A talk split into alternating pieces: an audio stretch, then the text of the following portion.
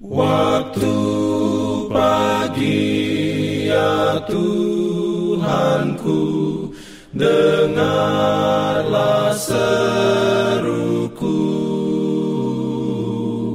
Melayang doa yang sungguh Memandang padamu. Selamat pagi pendengar Radio Advent Suara Pengharapan Mari mendengarkan suara Tuhan melalui tulisan pena inspirasi menjadi putra dan putri Allah. Renungan harian 5 November dengan judul Kita harus berperilaku bijaksana. Ayat inti diambil dari Mazmur 101 ayat 2. Firman Tuhan berbunyi, Aku hendak memperhatikan hidup yang tidak bercelah Aku hendak hidup dalam ketulusan hatiku di dalam rumahku.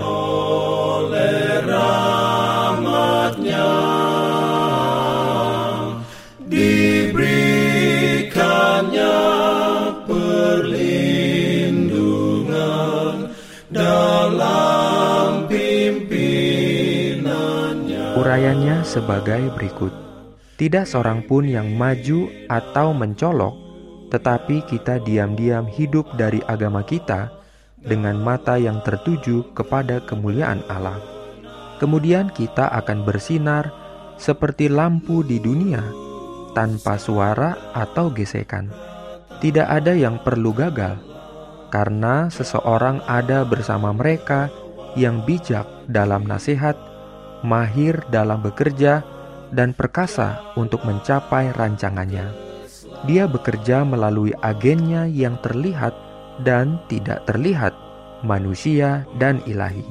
Pekerjaan ini adalah pekerjaan besar dan akan tetap dilakukan untuk kemuliaan Allah jika semua orang yang terhubung dengannya melakukan pekerjaan mereka sesuai dengan profesi iman mereka.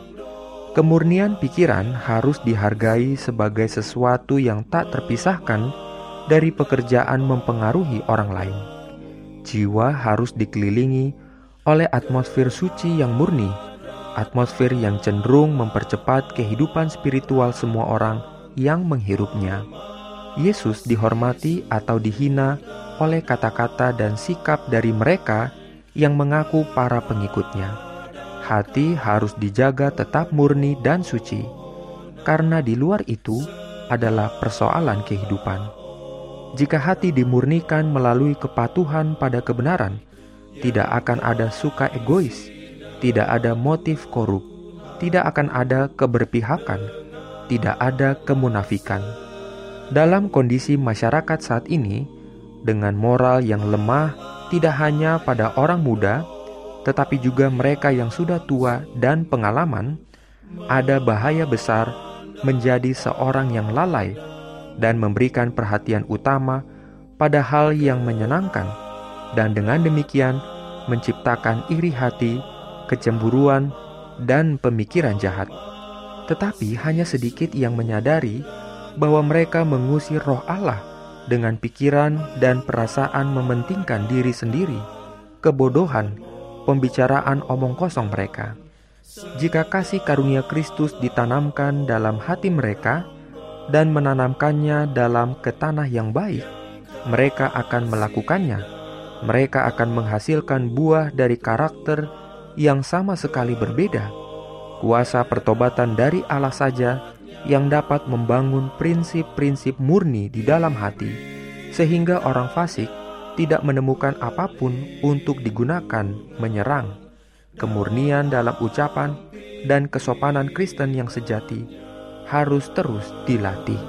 Amin. Pimpin aku ya roh Allah dalam kebenaran.